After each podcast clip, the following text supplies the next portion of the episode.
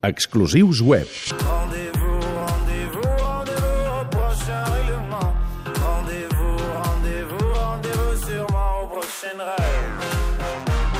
Solidaris, amb Adrià Bas. Perquè el més important són les persones. Parlem de la lluita contra la pobresa i l'exclusió a casa nostra i de propostes que neixen de la ciutadania organitzada.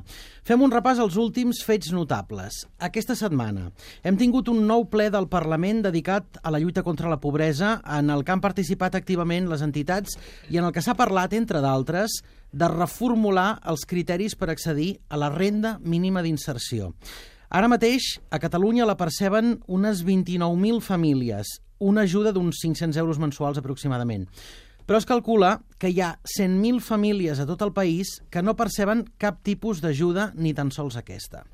Segona, el mateix Parlament ha accelerat la tramitació de la llei de la renda garantia de ciutadania, una renda similar de 660 euros, perquè no hi hagi ningú al país que no percebi els mínims i per evitar traspassar el llindar de la pobresa, i que és fruit d'una iniciativa legislativa popular que va recollir, deu fer un parell o tres d'anys, més de 120.000 signatures. Tercera, Fa unes setmanes, un estudi de la Universitat de Barcelona avaluava la viabilitat d'establir el salari mínim professional propi de l'àrea metropolitana de Barcelona per salvar la diferència amb el cost de la vida, que és més alt que altres llocs del país, i, si us recordeu, em van fer una entrevista als solidaris que podeu recuperar a la web de Catalunya Ràdio. El que està clar és que els mínims per una vida digna a Catalunya són massa mínims. Una de cada cinc persones, un de cada cinc treballadors, gent amb sou i amb feina, corre risc seriós de pobresa i la gent, és clar, es mobilitza per reclamar drets i necessitats.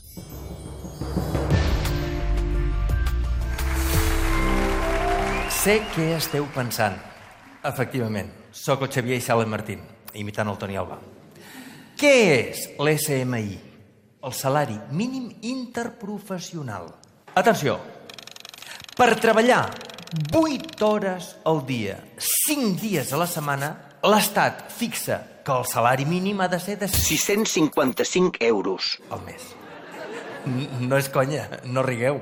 I pensareu, com s'ho fa una persona per viure amb 655 euros. al mes a qualsevol ciutat de Catalunya. Descontem el lloguer. Llum, gas, aigua, el telèfon, el menjar... És impossible. En aquests moments, una de cada cinc persones amb feina corre el risc de pobresa.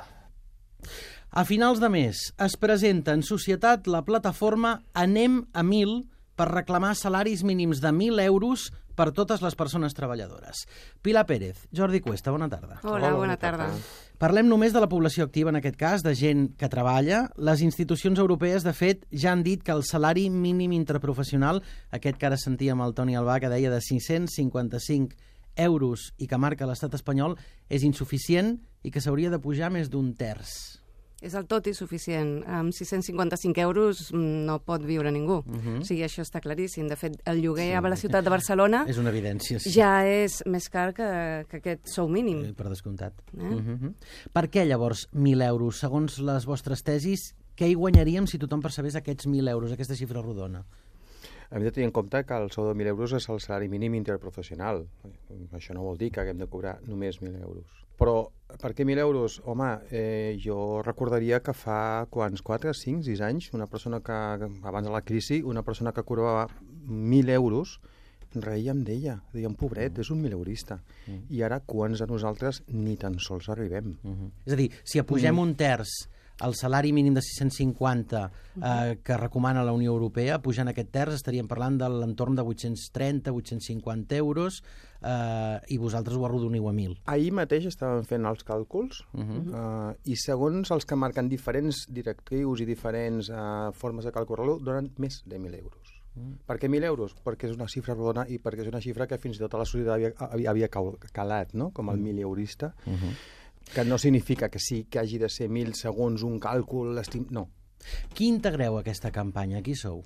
A veure, som, eh, de fet, d'entrada, eh, la idea va sorgir d'un grup de persones uh -huh. que patim, en certa manera, la precarietat, en una, en una mesura o en una altra, I eh, a partir d'aquí doncs, ens hem organitzat, hem creat la web i estem eh, fent una campanya d'adhesions. Llavors, en aquesta campanya d'adhesions, ara de moment portem uns 400, i, de fet, bueno, doncs hi ha gent de tota mena. Hi ha gent doncs, eh, anònima que hem contactat a través de les xarxes socials i, a part d'això, doncs, professionals, hi ha economistes, hi ha polítics, de moment, doncs, bueno, esperem arribar a mil aviat. A qui voleu arribar? Ara recordàvem fa una estona quan fa uns anys eh, es va mobilitzar la iniciativa legislativa popular per la renda mínima de ciutadania que va aconseguir aquestes més de 120.000 signatures amb la intenció i l'objectiu de poder entrar aquesta proposta de llei al Parlament de Catalunya. En el vostre cas, voleu fer el mateix? Nosaltres voldríem presentar aquesta proposta, uh -huh. la voldríem presentar a totes uh, les institucions, és a dir, a tots els agents socials que estan implicats, que són uh, patronals, sindicats, i, evidentment, doncs, clar, eh, elevar-la també al Parlament o a qui sigui que estigui disposat a, a tractar-la. De fet, és una proposta que no ens hem inventat nosaltres, o sigui, molts partits polítics i sindicats han posat sobre, sobre la taula aquesta xifra. Uh -huh. I llavors nosaltres considerem que és necessari que hi hagi una empenta des de la societat civil per poder-ho dur a terme. Totes les coses que s'han aconseguit, al, fin al, ca al cap i a la fi, són perquè la societat les empès. Uh -huh. Totes les coses importants, últimament. A veure, nosaltres som un més mm, d'aquells que hem de lluitar per això. O sigui, nosaltres no venim ni a substituir a polítics ni a substituir a sindicats, no, anem a sumar. És a dir, en, a, en aquest país precisament es demostra que quan la iniciativa social eh, es mobilitza, arribem més lluny. O sigui, nosaltres ajudarem i, i, i rebrem ajut de tots aquells que vulguin que tinguem un mateix objectiu, però mm -hmm. no, no venim ni a substituir a ningú, ni, ni a fer ombra, ni a... No, no, no, venim a sumar. I tenint en compte que aquesta és una competència qui marca el salari mínim interprofessional, de moment encara és una competència de Madrid, esteu buscant adhesions fora de Catalunya també? A veure, sí. De fet, eh, qualsevol que estigui disposat a adherir-se, de fet, nosaltres també ens diem vamos a mil. Uh -huh. En el cas de que ha arribat el moment, doncs, eh, calgués iniciar aquesta, aquesta iniciativa i fer una campanya a nivell de tot l'estat, per suposat. De fet, la idea, en principi, és com tot... Eh, igual que nosaltres volem començar de baix a dalt, també eh, a nivell d'aquesta iniciativa la idea també era doncs, començar per ciutat, àrea metropolitana, Catalunya i estat espanyol, vull dir... Uh -huh. Entre els vostres arguments, el manifest que ja podeu trobar penjat a internet, anemamil.cat, la diferència salarial entre els més ben pagats i els sous més baixos és del 400% a l'estat espanyol. Els economistes que s'han adherit al vostre manifest, que m'has dit ara que en teníeu algun, sí. què hi diuen? A veure, de fet, el Miquel Puig eh, és una de les persones que s'ha adherit uh -huh. i és totalment favorable. De fet, ell ha escrit un llibre que tracta sobre la precarietat laboral. Uh -huh. De totes formes, també m'agradaria recalcar un, una qüestió que per mi almenys no, no és menor. Evidentment hem de sobre amb economistes perquè ens diguin com, quan i, i de què manera, però és que és una qüestió de dignitat. Si jo treballo 8 hores a, a Catalunya, a Barcelona, jo visc a Cornellà, m'és igual, jo haig de poder viure. És a dir, el que no és normal és que jo faci una, una jornada completa i estigui visquent a casa dels meus pares amb 46 anys. Mm. Això no és lògic. És a dir, que, que sí que és important, evidentment, seure's amb els economistes, seure amb els polítics, a veure com es fa, a veure com es deixa de fer, però és que és una qüestió de dignitat humana. Podem desglossar una mica aquests eh, punts de defensa que vosaltres feu en el manifest? Uh -huh. No hi haurà més atur del que hi ha ara ni es reduirà la productivitat de les empreses. De fet, a veure, una de les coses que es pot aconseguir quan, amb uns eh, treballadors més ben pagats és que estiguin més motivats i que disminueixi la rotació, la rotació de llocs de feina, és a dir, les persones a l'estar més motivades també són més productives. Més estables. Més estables. I llavors aquesta seria una de les coses que, bueno, que s'ha comprovat que efectivament és així. I permet pujar el consum. Permetrà també afavorir la millora de la formació d'aquests treballadors.